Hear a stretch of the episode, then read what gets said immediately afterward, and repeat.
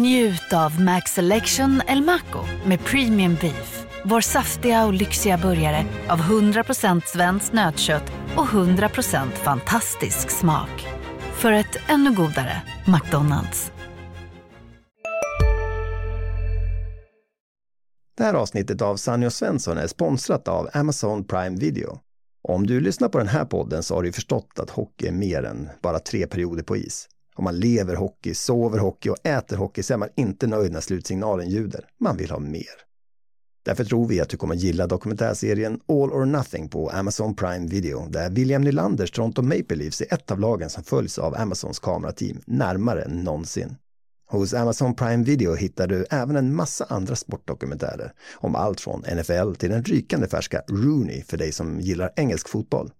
Testa Amazon Prime Video gratis i en månad på primevideo.com. Nu, Sanny och Svensson. Podplay. Ny vecka, ny podd. Välkomna tillbaka Sanny och Svensson med avsnittsnummer 98 och då tänker vi såklart på Oliver Larsen, såklart.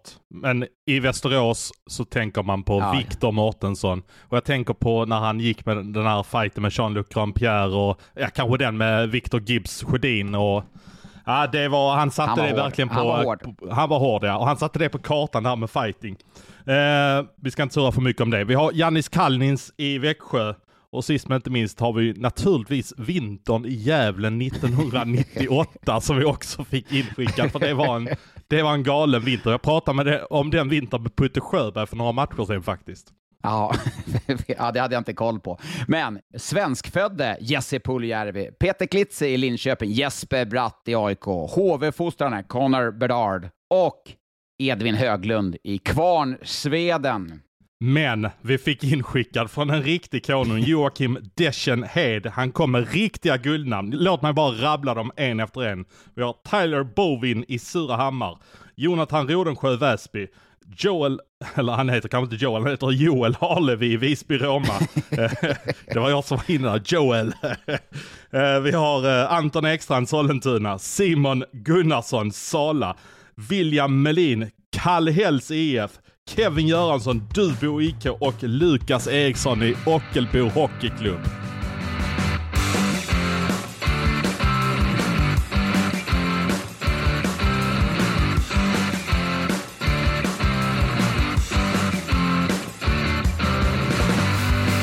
Naturligtvis så tycker jag att vi ska börja med det som ändå hände här i världen som slog ner, ja ursäkta att jag säger det, men slog ner som en bomb. Eh, i torsdags morse vaknade vi till väldigt tråkiga nyheter att det hade inletts en invasion i Ukraina och först, vad tänkte du när du eh, såg det som hade hänt?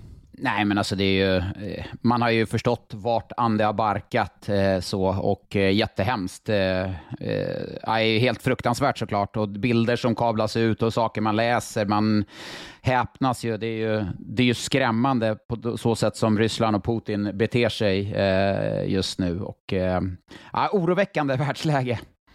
Det är väldigt många som eh, vill ha svar på hur vi tänker kring hockeymässigt kring detta. Jag kan rabbla några som har tagit upp det. Vi har Nils, Andreas Johansson, Viktor Larsson, Tina Norman, Jonas Assler, Henrik Fridström, Mattias Wallin, Daniel Stenert, Jesper Nilsson, Rob Linköping, Oliver Strand och Joakim Lindvall. Hur tror du det påverkar hockeyn det här? Ja, eh, alltså jättemycket såklart. Eh, eh, om vi då börjar med det sportsliga och ser till KL så har Jokerit redan dragits ut slutspelet. Eh, Dynamo Riga har dragits ut KHL. Eh, jag vet att det finns folk som har åsikter på att spelarna ska helt enkelt åka därifrån.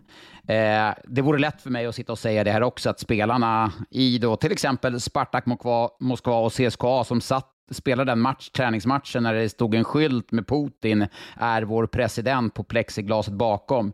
Det är jäkligt lätt att säga att man ska åka hem. Men vad händer om man åker hem? Alltså, vad finns det för säkerhet för, för personerna där som skulle eventuellt ta ett sånt beslut? Och det vore ett jäkla hyckleri av mig att sitta och säga att jag skulle gjort si eller jag skulle gjort så det är samma sak det här med OS i Peking till exempel. Ja, men jag skulle inte ha åkt. Nej, hade jag fått chansen att åka till OS i Peking hade jag gjort det. Jag var själv och kommenterade hockey-VM när det var i, eh, i Belarus 2014. Jag tog inget ställningstagande då. Eh, så det är liksom att sätta det här på idrotten, att de ska ta de besluten, tycker det är, det är rätt hårt och blir lite orättvist mot dem och därför vill inte jag sitta med det hyckleriet. Samtidigt, för KLs framtid och spelare som vill åka dit, det undrar jag vad som händer eh, framledes.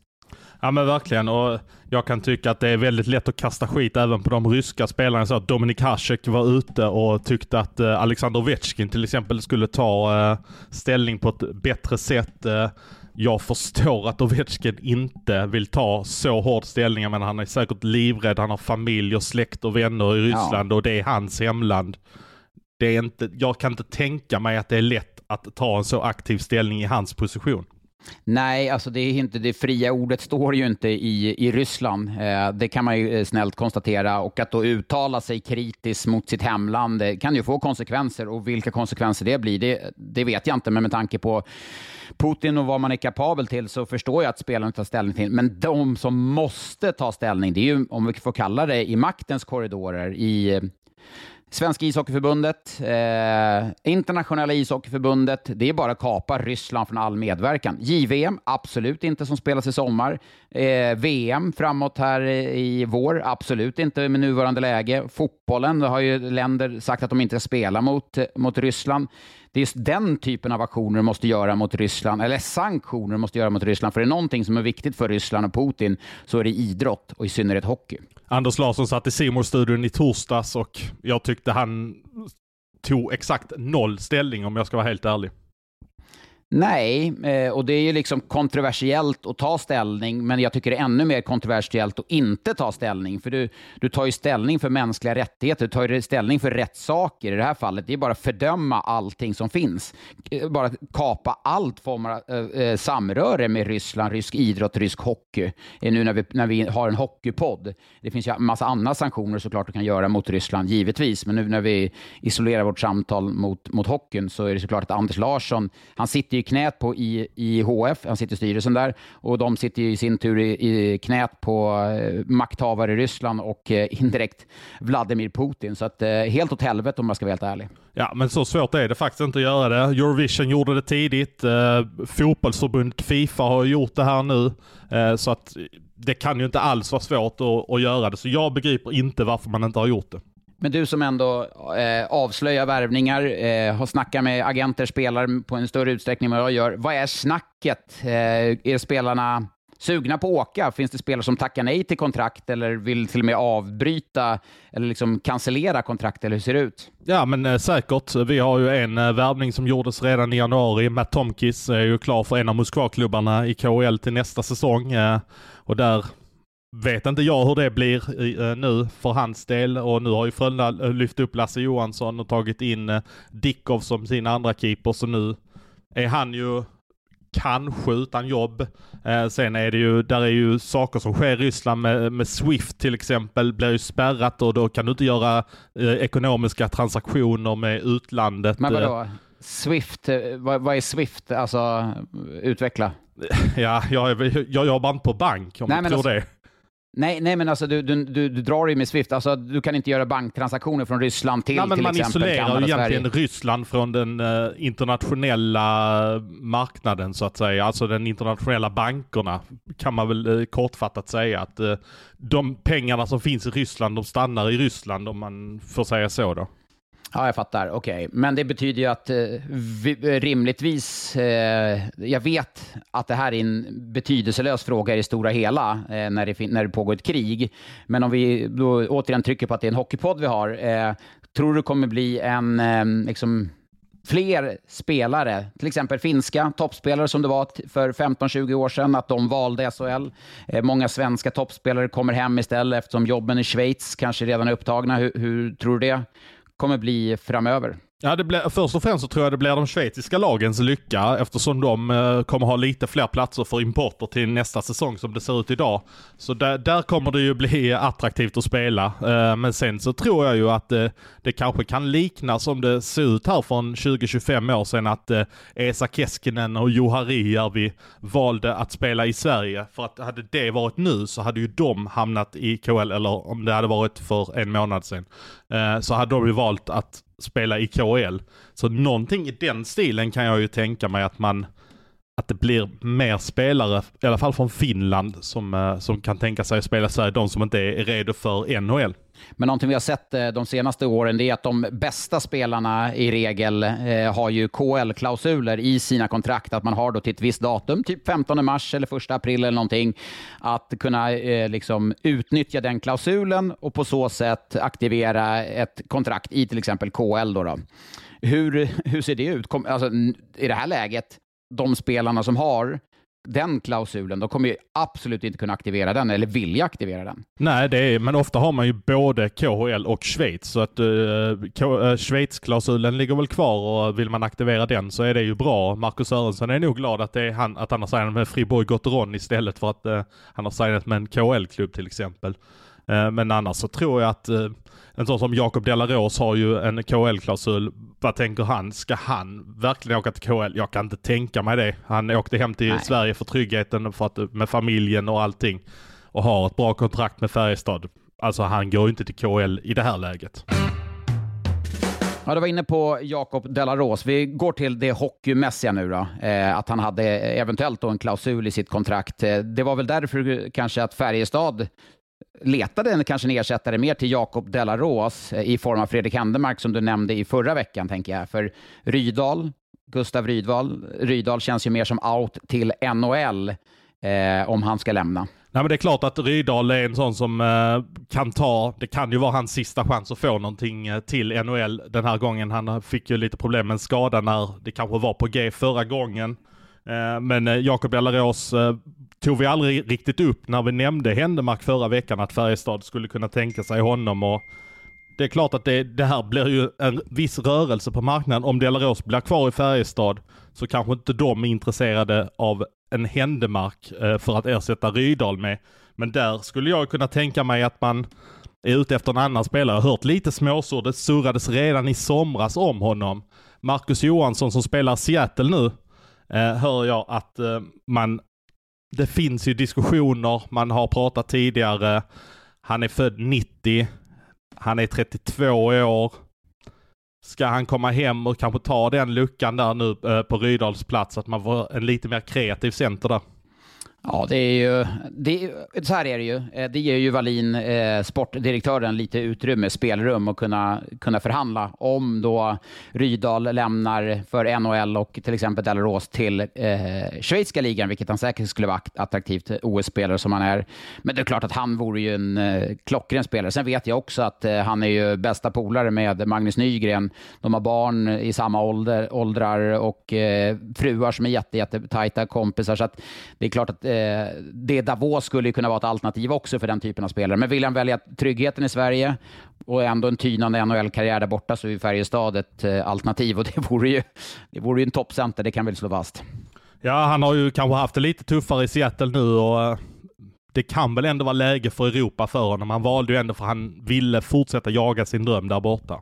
Ja, och han, han har ju möjlighet att bli tradad nu på deadline, för han har ett relativt billigt eh, kontrakt, så det, det, är klart. Men nu när vi, vi håller oss kvar vid Färjestad, eh, den största då sportsliga nyheten, eller de två största sportsliga nyheterna var ju att eh, Viktor Stråle klev in som ny tränare i Björklöven, men den största såklart var ju att Thomas Mittell eh, ersatte Johan Penneborn på, under fredagen. Och man kan ju säga mycket säkert om Thomas Mittell, det kan man göra. Men den jäveln är inte feg i alla fall. Han hade ju med enkelhet kunnat sagt att okej, okay, jag hör vad ni säger, men vi kan höras på söndag. Då hade Färjestad mött Frölunda på hemmaplan redan. Han hade fått mm, söndag, måndag, tisdag, onsdag innan man mötte Djurgården borta på torsdag. Men han klev in i hetluften direkt och Färjestad vann med 3-0 över Frölunda och Metell fick ju, om man får ändå kalla det för en drömstart. Ja, verkligen. Och uh, Dennis Hildeby fick hålla sin första nolla i karriären också. Ja, men han, vet du, han har växt ut till en jäkla profil rätt snabbt i, i Färjestad och Karlstad. Och grabben är ju, han är ju duktig också. Han, han, gör det ju, han gör det ju bra. Han kom in där mot eh, Skellefteå och släppte ingen, ingen kasse visserligen när Färjestad låg under med, jag tror 5-0. Och sen spikade mot eh, Frölunda. Så han har, ju, han har gjort det bra de matcherna han stått, verkligen. Ja men verkligen, han var ju inne mot Frölunda borta också. Jag såg honom mot Malmö också i Karlstad. Då var, mötte de förvisso ett svagt lag, men han släppte bara en puck där också, så han måste i alla fall ha en riktigt bra räddningsprocent. Men Mittell, eh, vad, vad tror du han kommer betyda och varför är det viktigt att göra den förändringen redan här och nu? Eh, flera anledningar. Alltså, jag tror att Pennerborn hade gått i mål med det här laget. Eh, Färjestad kände att ska vi kunna vinna SM-guld så måste en förändring göras på tränarsidan. Man har dragit livlinan i form av eh, Dominik Fors. Man har värvat in en back, eh, Theodor Lennström, även om han inte riktigt har eh, hunnit spela. Och sista var då Johan Pennerborn. Och framförallt om man tittar eh, resultaten mot topplagen. Frölunda, Skellefteå, Rögle och Luleå. Då har man, tror jag, om det är sju eller, jag tror sju eller nio poäng på 13 matcher. Man, man kan inte matcha de bästa lagen. Och då tror jag man kände från Färjestads sida att någonting måste göras och Metell var ju klar då redan för nästa säsong. Varför inte plocka in honom redan nu? Jag kan säga, jag var inte chockad. Jag var dock förvånad läget när Metell kom in, som jag var inne på där, att han hade ju med enkelhet kunnat vänta lite.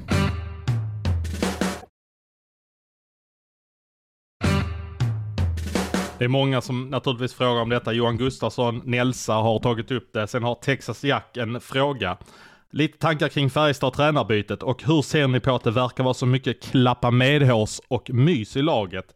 Tänker på intervjun med Jakobsson och Wallin. Hur är det möjligt att det kunnat bli så i en förening som Färjestad? Ja, det är jätte, jättemärkligt skulle jag vilja säga. Eh, att eh, man har släppt så mycket ansvar till spelarna eh, och att Johan Pennerborn har ju liksom velat vara eh, ja, men, spelarnas tränare och jag är väl lite mer så här att Sam Hallam är för fan inte omtyckt av alla. Roger Rönnberg är inte omtyckt av alla. Det är liksom inget självändamål att vara omtyckt av alla. Jag tror man måste kunna ta obekväma beslut. Och min känsla kring Johan Pennerborn, han har inte kunnat ta de obekväma besluten, vilket har gjort att det är spelarna som har styrt det där laget i ganska stor utsträckning. Och när man kanske har en del kärnspelare som inte riktigt är beredda att lägga ner det där extra hårda jävla jobbet, om ursäkta mig, då blir det en ond spiral. Och det, måste, det, det är väl Metells jobb att bryta nu tillsammans med Wallin och några till. När du vill påpeka någonting, det är då svordomarna kommer fram. är det så alltså? Ja, det är kanske det det är. Ja, jo, men alltså, då, då, det kanske blir att man är mer eh, tydligt, eller så, te, så är det eh, tecken på att jag får dåligt ordförråd. men du Henrik Andersson, vi kan ju inte ha en eh, podd utan en fråga från honom. Han undrar om det kan vara en av de bästa insatserna Färjestad gjort under säsongen mot Frölunda i lördags. Eh, det är, den, det är, den, bästa matchen man har gjort mot Frölunda, men eh, om det är den bästa matchen man gjort under säsongen, nej det vet jag inte riktigt. Eh, det som är, det är ju alltid, eller ofta så har jag hört Färjestad så här, det är så här vi ska spela, det är så här vi ska uppträda, det är så här vi ska jobba. Ja, men när man gör det så är man ju bra, men man har gjort det för sällan. Så det är klart att eh, nu när man får ny röst, när man ser att det är resultat, ja men då, då kanske de, eh, Eh, taggar till och kan prestera så här i match efter match. För det är ju viktigt att ta sig in på en topp 6, vilket man fortfarande har alla möjligheter att kunna göra. Eh, och därifrån ha en bra spurt in för att ta sig en positiv trend i slutspelet. Men en sak jag har funderat på, nu valde man att göra en förändring. Förra året, precis innan slutspelet, lyfte man ut Jörgen Dahlgren och Peter Popovic och tog in Pelle Pressberg och Thomas Rodin. Jag har tänkt, är det verkligen premiumassisterande tränare som de andra klubbarna har. Och då tänker jag till exempel på Strid och Kyrre är väl bra assisterande tränare eh, i, eh, i Luleå. Eh, vi har Falk i Skellefteå, vi har Pierre Jonsson där också till exempel som känns som något helt annat än Tutto och eh, Pelle Pressberg i Färjestads. Så jag får inget riktigt intryck av dem så att säga. Nej, det är ju superbra killar. Eh, jättebra killar. Men är de den här som slår upp datan det första de gör på morgonen, kollar detaljer, kollar statistik, eh, kollar eh, övningar? Tar spelare åt sidan, sitter och, i 30 minuter med Adam Ginning och tittar på video och den här typen av saker som jag vet att Corey Murphy till exempel gjorde, eller eh, Jakobs i eh, Oskarshamn eller Kärnqvist i Oskarshamn till exempel, bara nära exempel. Är man det? Jag tror inte att man är det. Man är nog inte det hårdast jobbande ledarteamet i ligan. Eh, och den ambitionen tycker jag att man måste ha om man ska vara ett hårt jobbande lag på isen. Det tycker jag sprider sig. Så att, eh, och, och, alltså, Mittell måste få välja sina assisterande tränare. Om han då är bekväm med Rodin och Pressberg, fine. Alltså om han tycker att det, det, här funkar bra. Men annars så är det hans, tycker jag, tillsammans med Wallin som ska ta det där beslutet och då, då måste man ju klart välja att gå en annan väg, helt klart. Ja, för Wallin var ju givetvis väldigt tydlig med att uh, Pelle Pressberg och Rodin ska stå i båset fortsatt denna säsongen och nästa, för de har avtal och han kan ju inte säga någonting annat till mig när jag frågar. Vi plockar in en fråga från Sofie Lindvall. Du avslöjade Johan att eh, Jeff Jakobs skulle till Linköping och då frågar Sofie Lindvall här, varför blev det inte Färjestad för Jeff, Jeff Jakobs? Eh, vilka andra assisterande kan vara bredvid Metell nästa säsong? Men om vi börjar där med jag vet inte om det är en sån här äh, breaking news, en jättestor grej att en assisterande tränare går, men jag hade väl någonstans räknat in med att Jakobs kommer landa in i eh, Färjestad. Jag var, det var helt nästan säker på det, med tanke på avståndet Karlstad-Borlänge, där han har sin familj, och tidigare eh, eh fin relation med Thomas Mittell. Ja, verkligen. Och eh, det var väl det som kändes som närmst eh, Borlänge där han har sin familj och sociala situation nu när det inte blev Leksand eftersom Per Styv ska gå till Leksand. Så hade jag också räknat in att, eh, att Jeff skulle hamna där bredvid Mittell. Eh, men nu blev det ju Linköping. Jag fick väl lite tendenser från Oskarshamnslägret att det kan vara en viss besvikelse att det är ju inte så mycket närmre hem till Borlänge än vad Oskarshamn är. Men man ska komma ihåg så här att Linköping det är kanske 1.40 korta resa. Man kan åka tåg emellan. Det innebär att man kan jobba på tåget på ett helt annat sätt än att du sitter i bilen. I bilen kan du ju inte plocka upp datorn. Du kan din höjd prata telefon. Så det blir en annan sak och jag pratade även med Barometerns reporter Jesper Hallberg som faktiskt också hade nyheten så jag är ju glad att jag hann före att skriva den. Men han sa till mig att det skulle kunna vara aktuellt med någon form av pendling med Jörgen Dahlgren också. Eh, och att de skulle kunna sitta och knåpa på lösningar i, i bilen eller på tåget då. Ja, ja det, oavsett så får vi ju gratulera eh, Linköping och Claes Östman som får en jättebra assisterande tränare vid sin sida. Eh, jag kan säga så här, hade jag rekryterat ett tränarteam så hade Jakobs varit långt, långt upp på min lista av potentiella assisterande tränare. Men det lämnar ju mig... Eh, de sitter ju inte i skiten Oskarshamn, men de tappar ju en väldigt värdefull pjäs i form av Jakobs. Det är en sak som är säker. Ja, men precis. Men jag har förstått att de är rätt långt fram i den processen processen. De kommer tappa Tjärnqvist också. Uh, nu vet inte jag exakt vad Tjärnqvist ska göra nästa säsong, men jag har hört att eh, Kristoffer uh, Norgren, som faktiskt sitter i disciplinnämnden just nu och är tidigare uh, spelar uh, lagkamrat med Martin Filander. De har en god relation med varandra, att han är den som uh, ska ta Jeffs jobb som försvarstränare i Oskarshamn och det känns väl ändå det känns ju fräscht eftersom man inte har sett Kristoffer Nogren. Jag har i princip inte sett honom sedan han la av eh, i kvalserien 2014 med eh, Örebro. Eh, det, det är ju disciplinen man har Nej. sett att hans namn har förekommit. Så han har i alla fall haft någon form av kontakt med hockeyn. Men det blir stora skor att fylla. Men eh, rent bildligt så fyllde ju den store Nogren de skorna i alla fall. Men det här får mig till den bästa bryggan någonsin i poddens historia. Känn på den här. Eh, Johanne Tyrväinen stängdes av och Thomas Bulan Berglund, han var rasande på fyra matchers avstängning. Och han förstod ju ingenting, för det var ju tidigare spelare som var med och tog beslutet. Nämligen? Kristoffer Norgren. Exakt, vilket för mig oavkortat in på Johanne Tyrväinen. Ja, och där eh, har inte du varit särskilt populär i Luleå, som jag förstår det. Eh, nej, det har jag inte varit. Eh, nej. Och det, alltså, ja, det förstår man väl. Sticker man ut hakan så får man smällar tillbaka. Så är det ju. liksom. Men det som blir ofta när, när du skriver någonting om Luleå, det blir att det blir personligt mot just Luleå. Att det är Luleå man är ute efter. Att det är Luleå som förening. Eller att det är men Luleå, vänta här nu, det var inte rubriken “Jag är inte förvånad att det är Luleå”? nej, nej, men, det, nej, men liksom, had, nej, egentligen inte. På så sätt så, så, var jag inte det. Liksom att det var, alltså, men, med historiken där med osten som överklagade och det, jag för mig det var någonting med Pekka Saravo eller eh, om det var... Du refererar eh, alltså till men, osten? Nej men, nej, men alltså så här, det, det, det jag menar med att typiskt att det är Luleå, det är att de, liksom, de känner sig hela tiden lite så här det är bara för att det är Luleå. Det är så typiskt att vi får fyra matcher. Det är för att det är Luleå. Det är det jag menar. Att det, är, det är typiskt Luleå att man vänder på det för att det är han får spela med, då, i det här fallet valde att spela honom i, i juniorerna. Vilket rent juridiskt gjorde man inget fel. För i den nuvarande domen så står det ju att han är avstängd fyra SHL-matcher. Så rent juridiskt, och det, det kunde jag väl ha varit tydligare på i texten. Eh, men det som blir är att, att det blir personligt mot Luleå. Eh, och där är ju det som är lite typiskt Luleå, att de blir liksom Nej, men nu har vi fått fyra matcher. Nu jävlar, jävlar. Det är bara för att det är Luleå. Alla hatar oss liksom. Det är bara jävla Stockholm som sitter där och tar besluten och alla hatar oss. Och Simor och Sanne Lindström är dum i huvudet för han hatar Luleå. Det blir liksom mycket personligt mot Luleå. Ja, det tror jag alla som följer mig i diverse sociala kanaler här på podden också.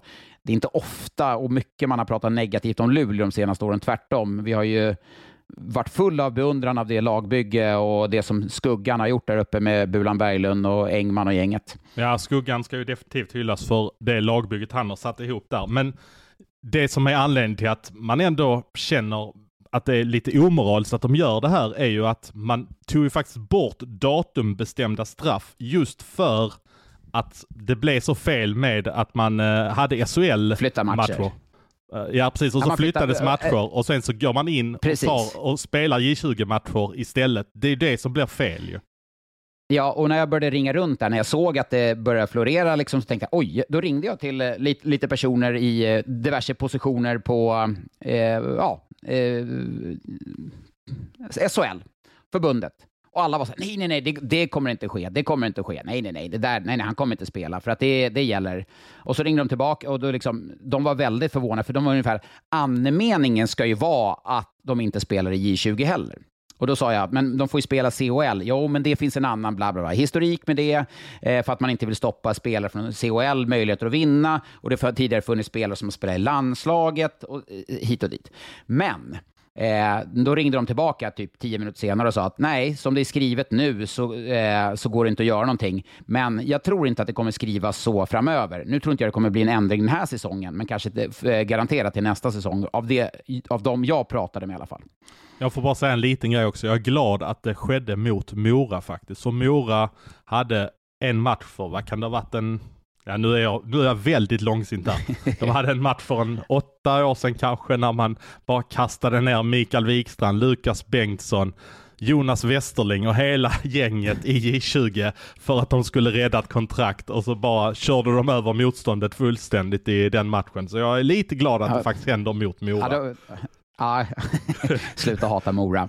Nej, men eh, skämt åsido. Men Alltså det, det som är att man, man, eh, man läste ju regeln rakt av upp och ner, eller domen rakt upp och ner, så det, det går inte att anmärka på det. Men det som blir att eh, om man då drar det i, som jag då pratar när jag pratar runt med, med SHL och sådär, man ska dra det ett steg längre. Då kan man flytta, jag vet, jag, jag drar sin spets här. Du flyttar upp en junior i eh, då en slutspelsmatch, i första slutspelsmatchen. Eh, för att inte prata illa om Luleå så kommer jag säga att man tar upp en spelare i till exempel, vi säger Leksand tar upp en eh, junior. Eh, den första han gör i den matchen, han kör över eh, Jonas Enroth. Ta mig fan så Jonas Enroth får bäras av. Han får sex matchers avstängning. Ja, men då flyttar du ner honom i J20 så kan han spela slutspelet med Leksand i J20. Då förstår jag alla hur jävla idiotiskt och dumt det blir, eller hur? Mm. Jag sätter det på sin spets om Peter Holland, eh, den eh, superfloppen som gjorde det där brutalt fula mot Fredrik Styrman, om Djurgården hade då spelat honom i J20, hur tror du Luleå hade reagerat då? Bara vänd på det. Hade det, om jag hade skrivit det om, om Peter Holland, att jag tyckte att de nyttjar systemet och att det är typiskt Djurgården och rasat över, över Djurgården, om det nu var ett ras, tror du Luleå-supporten hade hållit med mig då? Givetvis inte. Då hade du varit den största Djurgårdshataren istället. ja, så, så kan det vara såklart. Så kan det vara. Under helgen så tog ju Frölundas svit slut. De förlorade ju faktiskt dubbelt upp under helgen. De förlorade mot Färjestad som kanske gjorde en av säsongens bästa insatser med mitt i båset och sen förlorade de även mot Örebro. Det får man säga, Örebro har vunnit mycket matcher här under andra halvan av februari. De har slagit Skellefteå borta, de har vunnit mot Växjö hemma. De har vunnit väldigt mycket hockeymatcher och ja. verkligen tagit kliv upp mot den där toppen. Eh, jag hade en liten längre eh, konversation med min kollega på Simor, Petter Rönnqvist, och satt och kollade igenom lite stats. Eh, om Örebro hade haft ett okej, okay, bättre, eller okej, okay, eller bra mycket bättre powerplay och boxplay-spel, rimligtvis 10 poäng till hade man haft då. Rimligtvis ungefär 10, 10 poäng till. Eh, 5 mot 5-spelet, där är man ju topp top i serien. Eh, fattar om de får ordning då med Odette till exempel på sitt powerplay-spel. Leino har kommit igång lite i ett slutspel. Alltså jag säger det. Jag har sagt det he hela säsongen, inför säsongen, att Örebro har ett slutspelsbygge, ett slutspelslag. Det där laget blir inte roligt att göra med ett slutspel. Det kan, det kan vi slå fast. Och sen så är det faktiskt så att eh, Rissanen som man har i stort sett räknat bort. Det... Vi är specialister på det vi gör, precis som du. Därför försäkrar vi på Swedea bara småföretag, som ditt. För oss är små företag alltid större än stora och vår företagsförsäkring anpassar sig helt efter firmans förutsättningar. Gå in på swedea.se företag och jämför själv. Hej, Synoptik här. Hos oss får du hjälp med att ta hand om din ögonhälsa. Med vår synundersökning kan vi upptäcka både synförändringar och tecken på vanliga ögonsjukdomar. Boka tid på synoptik.se. Det är ju någon gång i mars som han ska komma tillbaka i spel, är det sagt från början. Ja, det är väl, det är väl en förhoppning mer än ser som en, en bonus om han kommer tillbaka. Men de har stärkt upp sitt lag väldigt bra. Eh, Enroth är vass. Eh, Frölunda, visst, förlorat två, två matcher. Eh, Roger Rönnberg var riktigt ilsken efter förlusten i söndags mot Örebro. Tyckte att han kände igen mönster hur man förlorar. Och det var ju lite billiga misstag när man släppte in mål. Så att, eh, samtidigt, jag vet inte om vi ska slå fast att de blir topp fyra, för vi har ju slagit fast att eh, Brynäs och Linköping inte behöver kvala. Eh, och det tror jag fortsatt inte att de behöver göra. Men så vi kanske inte behöver slå fast någonting för alla Frölunda-fans. Eh, Nej, nu slår vi fast det. Nu fortsätter vi på inslagen väg. De, de når topp fyra. De, jag tycker de är, har blivit så pass stabila. Och man, alltså att förlora mot Örebro borta och Färjestad borta, det kan ju hända. De kommer ta sina poäng här i slutet av serien. Så jag, jag, jag tycker de är så pass stabila och man får in, man får in Friberg och Folin och de här i, i gängerna igen så att säga. Så att jag, jag tror att, eh, jag tror verkligen att man kommer att vara topp fyra lag när vi summerar detta. Ja, men fan, jag slår väl fast att de blir topp fyra, så får de väl hänga mig sen då. Ja, precis. Men ett lag som vi kan slå fast att de kommer att vara absolut i toppen nästa säsong, det är Frölunda. Och då pratar jag på damsidan faktiskt. Frölunda för här har jag hört att de har gjort klart med en riktig jäkla superkanon. Det är faktiskt så att Michel Karvinen ska vara klar för Va? Frölunda till nästa säsong i damettan södra. Så de kommer ju bara traska rakt upp i seriesystemet. Är det sant? Hon ska vara klar. Jag äh, har pratat med eh, Kim Martin som givetvis inte ville bekräfta någonting men hon sa att de hade gjort klart med ett antal bra, riktigt bra spelare så att jag blev ju faktiskt inte förvånad om det kommer någonting annat också. Kanske inte av Karvinen dignitet. Vi pratar en världsstjärna där som ska spela damettan södra. Vilket hon visserligen redan har gjort den här säsongen. Ja. men, men alltså jag menar jag har sett... Tio matcher. Ja men alltså jag menar jag har sett hur, vilken lekstuga hon har haft i damettan södra och hon skulle ha lekstuga även i SDHL. Så Frölunda kommer ju bara gå raka vägen upp i SDHL det är kul nu ändå att, eh, att det är många lag som, som satsar där. Jag vet ju att Färjestad, eh, du har ju Skellefteå, Malmö har väl en, en pågående satsning att eh, ta sig upp till SDHL och jag, jag, tror att, eller det kommer bli jätteviktigt att toppklubbarna, de stora märkena, varumärkena, jag vet att ni supportrar hatar när man pratar om det, om klubbar, men att de satsar på damerna, att de kommer upp i SDHL, då kommer det få konkurrens och eh, det kommer utveckla eh, svensk damishockey, garanterat. Jag tror på sikt så kommer man också att utöka SDHL. Eh, jag skulle kunna nästan slå fast att man eh, borde göra det så snart som möjligt. Det är väl... Ja, men, vänta, vänta, nu. Där, ska du ställa ett krav eller? ja, kanske, kanske. Nej, men så här, så här. Eh, de borde faktiskt utöka serien för att eh, när du har så pass stora lag som Färjestad, Skellefteå, Frölunda och Malmö på väg upp. Vi pratar lag från stora städer. Det finns en djupt rotad hockeykultur i de här städerna också. Eh, så tycker jag att det är läge att göra det. Jag vet att det finns en debatt att det, ska, det, det, är inte tillräckligt mycket svenska spelare som är i de här lagen, för det kommer komma ett krav här att man, man måste vara x antal svenska spelare, man får inte ha för mycket importer i lagen. Men jag tycker ändå att det finns ett läge att göra det nu, att uh, verkligen, för att nu är lagen och klubbarna beredda att satsa. Sponsorerna ställer den typen av krav på att man ska ha en riktigt bra damsatsning. Jag pratade med Malmös ordförande igår, de kommer de har en ganska hög budget redan på sitt damlag, men de kommer satsa ytterligare 2 miljoner, om de, 2,5 till och med, om de går upp i SDHL. Så de, de är ju verkligen beredda att lägga ner tid och kraft och pengar på det. Jättebra. Och eh, nu tror ju du, eh, jag eh, förebygger det här, nu tror du att jag smörar bara för att jag har kritiserat Luleå, eh, vilket eh, då förebygger jag att ditt hån kommer här. Men klubbarna kan ju, SDHL, alltså klubbarna underifrån, kan ju blicka mot Luleå. Hur har de jobbat för att eh, implementera att fansen ändå har tagit det så pass mycket till sitt hjärta? Man pratar om dam och herr, man pratar liksom inte om Luleå, man pratar om herrlaget. När man pratar eh, om damlaget, tidigare var det liksom Luleå, eller liksom en förening, och damlaget, utan nu, nu är det ju liksom, det sitter ihop och där tror jag att alla klubbar måste blicka dit mot för att få framgång.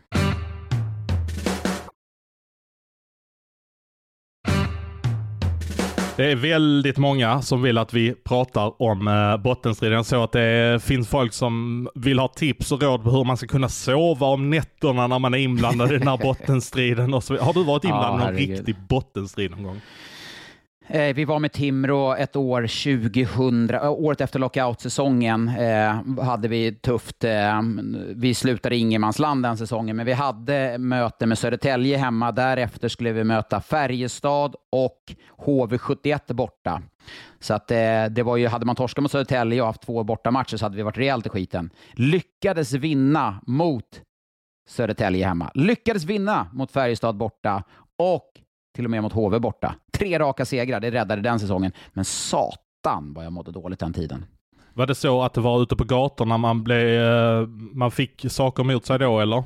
Nej, nej, utan Timrå hade ju haft några år av framgång, men samtidigt var det en ganska ung förening alltså med, som hade haft framgången. De har ju en jättediger historik, men det var ju bara några år innan, dessförinnan man hade spelat i Hockeyallsvenskan och division 1 och tagit sig upp därifrån. Så att det, det, var, det var ganska snällt. Men när vi är inne på då, Linköping-Brynäs har vi slagit fast tidigare att de slipper kvala. Är du beredd att släppa ditt Brynäs? Ska du stå fast vid att de slipper kvala, eller vad säger du? Ja, man, man borde göra det, men jag, jag var ju faktiskt ute lite på Twitter och skrev att jag kanske var beredd att backa lite. Jag får göra en Sanny Lindström och, som du gjorde när du backade lite grann på Linköping då för någon vecka sedan här efter alla förluster Ja. som radade upp. Men de har, ju, de har ju bäst läge av lagen som ligger i botten om man nu kan säga så, för de har ändå 53 poäng och vi får utgå från att 60-poängsspärren ändå finns där någonstans så är det ju två segrar och någon ströpoäng som de behöver ta på nio matcher och det bör man ju rimligen klara av. Brynäs framförallt kan ju börja med att göra mål för de har faktiskt ett bra försvarsspel. Bra målvaktsspel.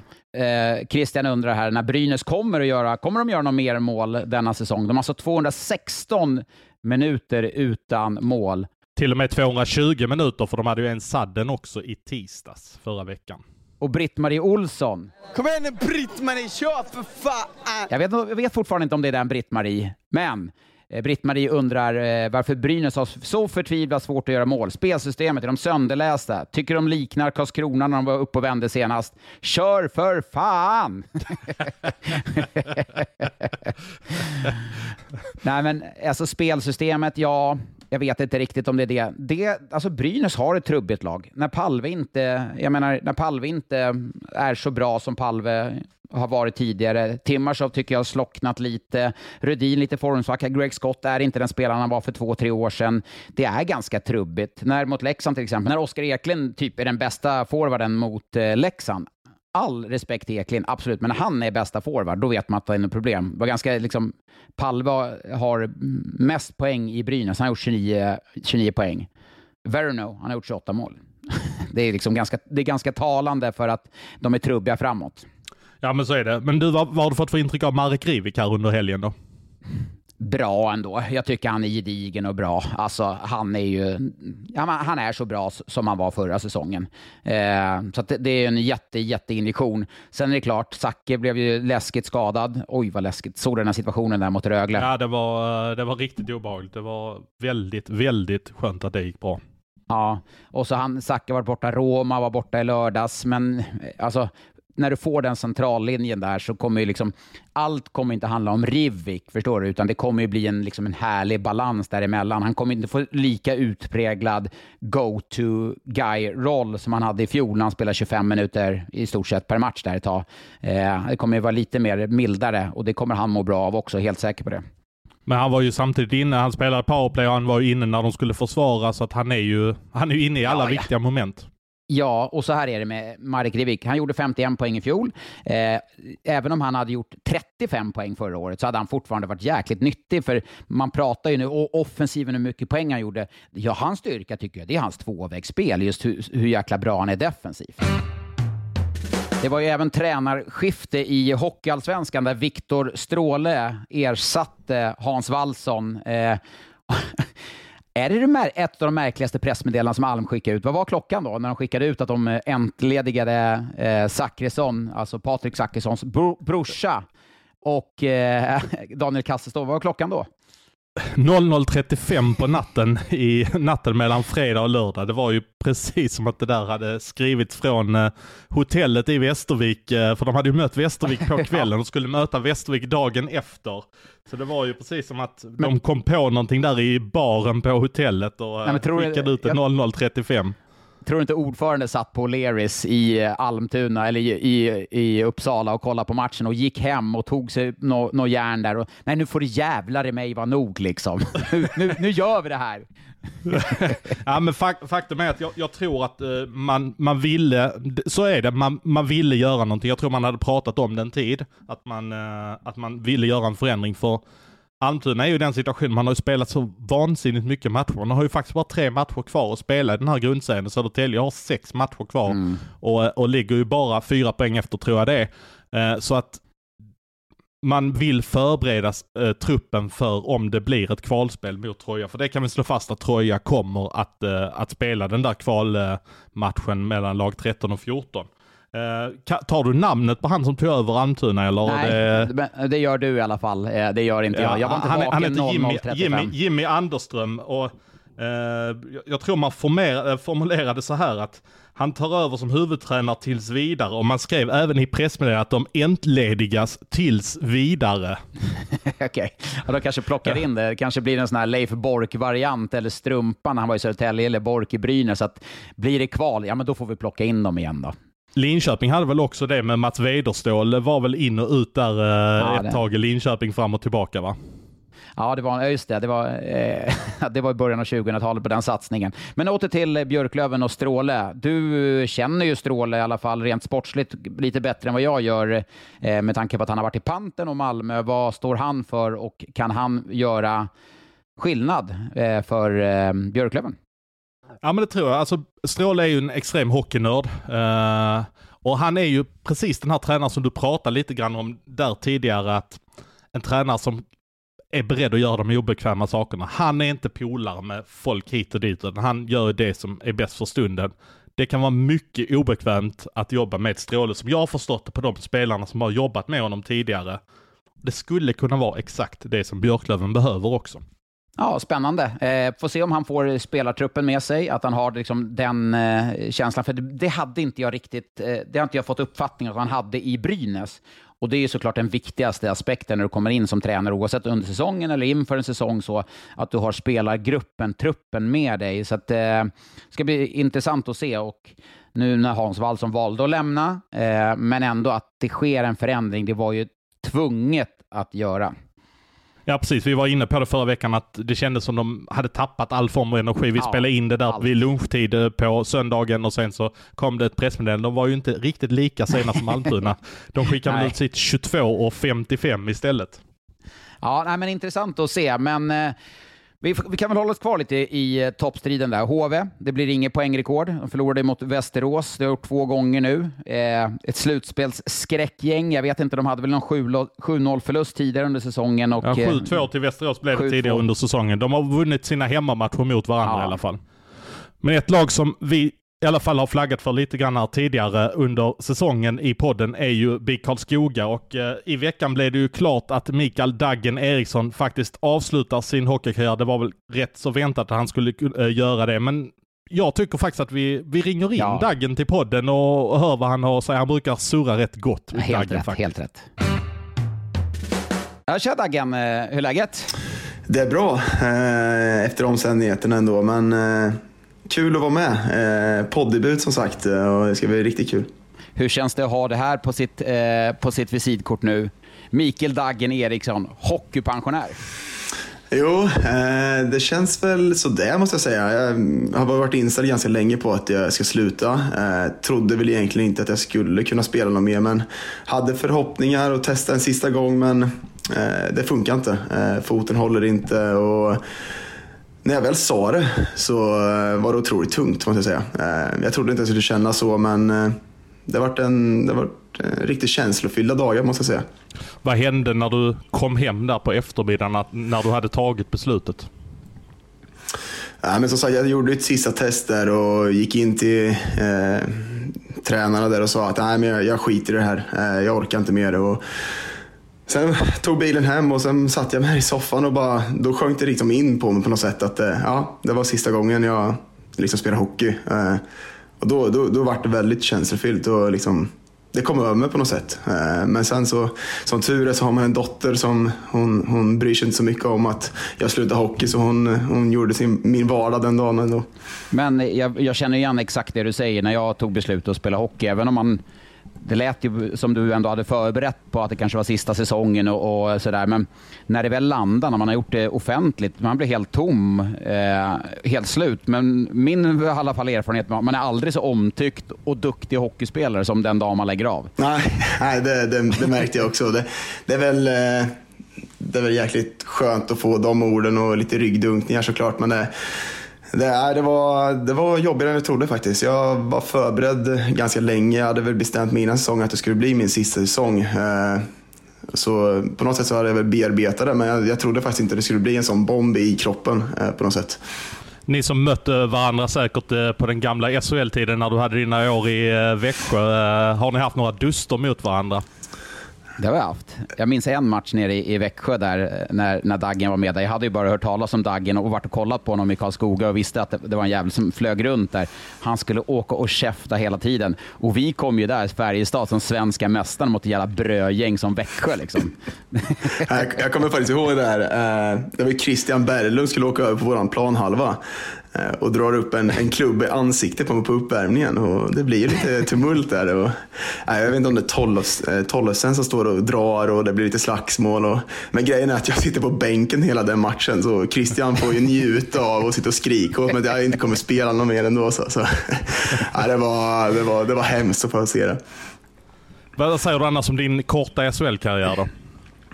Nej, kort som sagt. Jag tyckte inte jag gjorde så mycket avtryck. Tyckte att jag var, blev lite nöjd när jag kom dit faktiskt. Jag, hade, ja, men jag är SHL nu, jag är nöjd här. Jag tyckte inte jag tog chansen riktigt. Eh, kanske inte heller var redo och inte var tillräckligt bra tycker jag heller. Men eh, som sagt, kanske blev lite nöjd att jag bara var i SHL. Eh, kanske kunde ta lite mer chansen och spela mitt spel lite mer. Men tycker jag inte heller att jag var riktigt redo för SHL-spel heller. Det blir 534 matcher i Bofors IK slash BIK Karlskoga. Jag säger Bofors IK, jag älskar att göra det. Men tar du vilka de andra sex är som har gjort fler matcher än vad du har gjort i BIK? Ja, eh, Fredrik Högren, Christian Berglund, nej Christian Karlsson, förlåt. Christian Berglund har inte gjort mer. Eh, Karl Berglund, eh, Tobias Termell ja, och så en till. Kristoffer Näslund. Jajamän. Jajamän. Ja, snyggt jobbat, snyggt jobbat. Men du, alltså, eh, Johan var inne och tassade lite på din eh, karriär i SHL, men Hockeyallsvenskan där med Bofors. Alltså, du har ju varit mycket Karlskoga, Bofors. Det sitter i väggarna, den här kulturen när man tar emot spelare, tar hand om dem som alla med värme som man pratar om. Hur kan det föras vidare? Sitter det i personerna, sitter det i väggarna, i kulturen i föreningen? För det är alltid i Karlskoga med, även om man inte har kanske det bästa laget på pappret, så är man med där uppe i toppen. Ja, men vi har ju haft en stomme som varit här i många år och eh, jag, jag är inte orolig för Karlskogas del kan jag säga. Jag tycker att det är väldigt bra händer och jag ser att Karlskoga har en väldigt ljus framtid. Men eh, det är såklart som fasen att vi har haft en, en härlig grupp att jobba med varje år och eh, det viktiga för oss är att de som kommer hit mår bra och presterar på högsta nivån. Och det, det har vi fått verkligen att de nya kommer hit. Nu är det en liten annan sits tycker jag Karlskoga. Man kanske har, har råd att värva lite mer etablerade spelare eh, som är redan klara på ett annat sätt. Så, ja, jag ser en väldigt ljus framtid för Karlskoga faktiskt. Jag tycker jag lämnar över det i precis rätt tid där. Men du, har ni, kommer du vara nere där på fredagar? För det går rykten om, man har hört talas om att det var rättegångar på fredagar. Stämmer det? Att man har, så här, om det har varit någon böter och någon vill överklaga? Berätta lite mer om det. Ja, det, ja, det har funnits många. Det, det, vi har rättegångar. Så fort du är missnöjd med någonting så får du ta upp det i rättegång. Så får, så får laget stå och bedöma om man tycker att han har rätt i sak eller inte. Så det har, det har varit otroliga rättegångar under åren faktiskt. Jag vet att Fredrik, har, Eriksson, så... Fredrik Eriksson en gång får inte ha ytterskor eh, i omklädningsrummet och Fredrik Eriksson hade brutit foten tror jag, så han gick in med kryckor. Då fick han ju böter för ytterkrycka. Fick han ju där, så. ja, det var ju rättegång. Så han tog upp det i rättegången, då fick han ju dubbelt betalt sen. Fick han ju betala, så. det var inte så populärt. Ja, jag har hört, talas om det här. Det, det spreds hela vägen när jag spelade i Färjestad. Jag tror vi försökte liksom, äh, efterapa det lite, men det, det funkade inte riktigt. Men jag har hört att det där ska vara rätt uppskattat eh, och en rolig fredagstillställning. Ja, men det är verkligen det är något som alla bjuder på. Det, man, man ser det som en rolig sak, men det har hettat till ordentligt kan jag säga och det har varit eh, ganska hårda ord i omklädningsrummet. men du, får tala om hårda ord. Eh, dummarkarriären då? Eh, vi har fått en fråga från Simon Glendert eh, på tal om dummare. Eh, årets domarnivå, han tycker den är horribel på, på många håll och nej, jag är inte enhöjd. Han tycker att, enögd. Han tycker att det är den sämsta i hans tycke på många år. Har ni någon insyn i hur deras arbete går för att utvecklas? Och du som ändå är på väg in i branschen, vad tycker du om domarnivån? Eh, jag tycker faktiskt domarnivån är bättre eh, i år än vad det har varit på länge. Eh, jag tycker att det är bättre kommunikation med spelarna. De är väldigt öppna för att ta in feedback. Vi har till exempel möten med domarna efter tio matcher. Så där håller jag faktiskt inte med. Jag tycker domarnivån har blivit mycket, mycket bättre. Och framförallt så är det ett öppet klimat i Hockeyallsvenskan. Där de vill ha feedback också. Men självklart så blir det ju fel. Det är ju människor där ute som jobbar. Men som sagt, jag tycker att domarnivån är bättre i år än vad den har varit någonsin.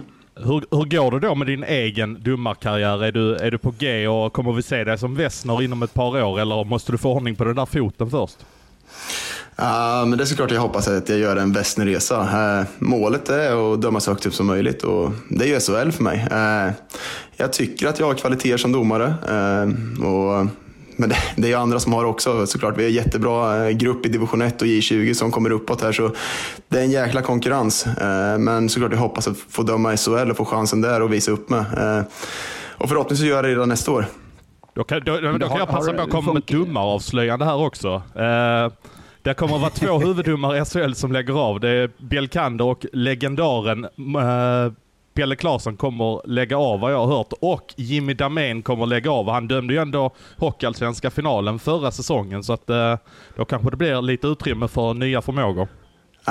det, är, det, det är väldigt tråkigt att så bra domare lägger av men det är såklart det, det är väl positivt för en annan som försöker komma uppåt men det, det är väldigt rutinerade domare och det, det är tufft för teamet.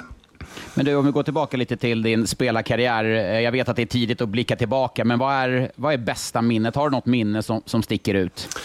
Ja, men det finns många. Gemenskapen är alltid en grej, men eh, Västervik borta, när vi hade en kaossäsong där. Och jag tror att jag åldrades tio år på den säsongen och vi vinner liksom sista matchen mot Västervik. Jag vet att jag, jag låg med Rickard Blistrand innan och frågade så här, har du sovit något? Frågade han mig och jag bara, ja jag sover hur bra som helst. Jag ligger vaken hela natten och hade sån ångest för det här. Och så vinner vi matchen och den känslan, den ångesten som släpper, det var helt otroligt alltså. För ni hade fått kval, hade ni förlorat den hade ni fått kvala då? Eller? Ja, precis. Eh, vi hade oj, ett fantastiskt oj, oj. lag det året eh, i slutet där. Så hade vi, vi var fyra poäng tror jag från åttonde platsen till slut. Och vi låg ju sist hela säsongen. Så hade vi gått till slutspel där så tror jag att vi hade en riktigt bra chans för att gå upp faktiskt. Men just det där med slutspel, Karlskoga. Man har ju liksom hela tiden pratat om att vara med och stöka till det lite. Även om man varit ett topplag så har jag i alla fall upplevt att målsättningen inte har funnits där att gå upp, utan ah, vi får se vad som händer. Vi stökar till det lite. Men när jag får upp, ser Karlskoga nu, när jag hör pratet, så är det en, mer en uttalad målsättning att vi ska upp. Har jag rätt där? Ja, det har du. Eh, jag tycker att vi har blivit lite kaxigare på den fronten. Och vi har väl en lite bättre ekonomisk del också, eh, där vi kan ta lite mer chansningar. Eh, och sen tycker jag väl att, som jag sa innan, att vi kan värva lite mer etablerade spelare nu och det, det ger oss ju chansen större att komma till SHL. Och jag tror att hela den här gruppen i år känner att det finns en stor chans att vi tar steget i år. Och tar vi det inte i år så tror jag att på sikt så kommer BIK att spela SHL. Men kommer du vara med nu runt, i, eh, runt laget nu eller bara har du kapat rakt av och säger nu kommer jag döma eller är du fortfarande en del av laget, ledarteamet eller någonting sånt? Nej, jag är med precis lika mycket. Jag, jag kan inte släppa det. Jag måste vara i omklädningsrummet. Eh, så de, de kommer få höra mitt tjat som vanligt och jag kommer vara med och tjabba och peppa laget och försöka få det att vi tar det här sista steget. Men kommer du då rent av vara som en tredje länk i båset också på matcherna eller kommer du, för du har ju varit i båset lite grann har jag sett, men eh, vad, vad, kom, vad kommer hända här nu då? Ja, ni missade alltså när Karl Helmersson var sjuk att jag har en av en som head coach. Det har jag sett. Jag fick ju hoppa, jag fick, jag fick hoppa in där, Troja borta och så coacha lite, så det, då, då vann vi ju. Så. Nej, men jag kommer inte vara med i båset. Eh, jag kommer funka i omklädningsrummet och vara en resurs, eh, både för ledarteamet och för spelarna. kommer jag vara. Du, jag kan se dig framför mig att du sitter med det kompisgänget som sitter där på sitt plats och gapar. Vi är uh, Helmers hårda grabbar eller vad de uh, sjunger. Ja, vi, vi var ju faktiskt iväg med samarbetspartner här i Västerås och eh, jag och Telander drog igång lite ramsor där så det, det var en härlig känsla ändå. Det var skönt att få sitta lite på läktaren och känna den känslan också. Gemenskapen som är runt matcherna, det är helt fantastiskt. Men du, när vi ändå har en, får vi kalla dig hockeyallsvensk expert, du har precis spelat. Eh, vilket lag eh, går upp eh, nu eh, när, eh, framåt våren? Ja, men, jag tror på oss. Jag tror på BIK Karlskoga. Eh, jag vet att HV är superfavoriter, men jag tror stenhårt på, på oss som grupp. Eh, vi har en, en större bredd i år. Vi har ett fantastiskt målvaktspar som liksom står på huvudet nästan varje match när vi har spelat lite sämre. Eh, så jag tror, jag tror att vi har en riktigt stor chans och jag tror vi kommer ta det där. Men sen så vet jag att i år så finns det 8, 9, 10 lag eh, som jag aldrig har mm. känt har den här stora chansen i Hockeyallsvenskan. Och det, det är väl lite jämnare i år och lite mer öppet än vad det har varit de senare åren. Du som också har haft förmånen att se alla spelare i truppen på nära håll. Vem är nästa Linus Karlsson, om man får säga så? Ja, men jag är svag för Wernbloom i Mora. Ja, ja, ja. Är inte det, men är inte det så jävla mycket BIK Karlskoga över honom? Ja, jag, har, jag har eh, faktiskt tjatat något tek på någon gång att nu, nu är det dags att signa för BIK här. Nu, du skulle passa in perfekt hos oss. Men, äh, men perfekt spelare att ta in. Hade jag varit sportchef i SHL så hade jag tagit Han har allt som krävs tycker jag. Eh, spelsinne, eh, gillar att gå in i tuffa närkamper, kan avgöra matcher. Så det, nej, jag hade tagit Wernbloom alla dagar i veckan. Och jag tycker det är kul att se också spelare från... Förr så såg man inte spelare från Hockeyallsvenskan gå in och bli avgörande, eh, som man ser i SHL idag. Som Linus, Ros, eh, de i Oskarshamn. Jag tycker att eh, Hockeyallsvenskan har blivit bättre och man ser spelare gå in direkt i SHL. Det tycker jag inte man sett innan. Ja, vi får se om Wernbloom hamnar i SHL. Jag har väl fått lite tendenser på att han skulle kunna göra det. Men äh, Daggen, äh, all lycka till med det du ska ta dig an härnäst. Ja, verkligen. Och, äh, jag antar att du kommer vara närvarande när Krib, äh, Kribbe, kallas han va? Christian Karlsson, när han äh, hyllas äh, på lördag. Ja, hur fasen det kommer bli stort. En äh, grym hockeyspelare och fantastisk människa framför allt. Så det ska bli kul. Men fan, vi kan, kan inte vi köra en livepodd när din tröja hejsas upp i taket då? ja, det, det, det, tror jag inte kommer hända, men det, det, det ska bli kul att få Kribbe ha varit med mig från starten, så det ska bli kul att få ge han de hyllningar han förtjänar.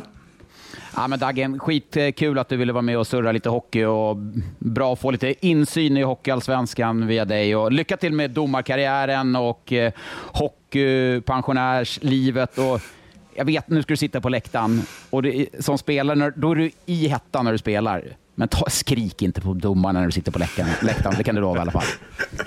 Jag lovar, jag lovar. Jäkla profil som man kommer, kommer sakna där i... Han har, för mig har det varit Karlskogas hjärta Ja, det har det verkligen. Det har ju varit han som har burit det vidare mm. efter eh, alla profiler som har varit där med allt från Kribbe Karlsson till Karl Berglund, Fredrik Högren. Eh, innan dess var det Björn Kindahl, Martin ja. Tellander, eh, Per Sveder. Alltså. Ja, det är bra ja. namn alltså. Ja, alltså en fin, karriär, fin karriär och en stor anledning att det har gått så bra. Det blir spännande att följa avslutningen av SHL och även Hockeyallsvenskan. Det är ju så mycket härlig hockey var framför oss. Ja, det får man verkligen säga. Och nu kommer vi från och med nästa, det är bara någon dag bort här, det är imorgon tisdag som det kommer vara mars och då, då ska vi äta marsipantotta på, eh, på torsdag när det är första På torsdag. torsdagen i mars. Ja, det får avsluta veckans podd. Eh, Vi har babblat på, vi har surrat så mycket, vi har haft så mycket, så vi hoppar eh, tävling. Jag vet att en del av er kommer bli arga, men den som väntar på något gott, den väntar aldrig för länge. Tack för att ni har lyssnat. Ha en bra vecka. Hej då!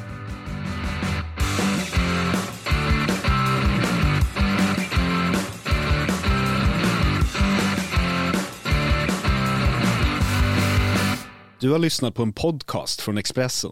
Ansvarig utgivare Klas Granström.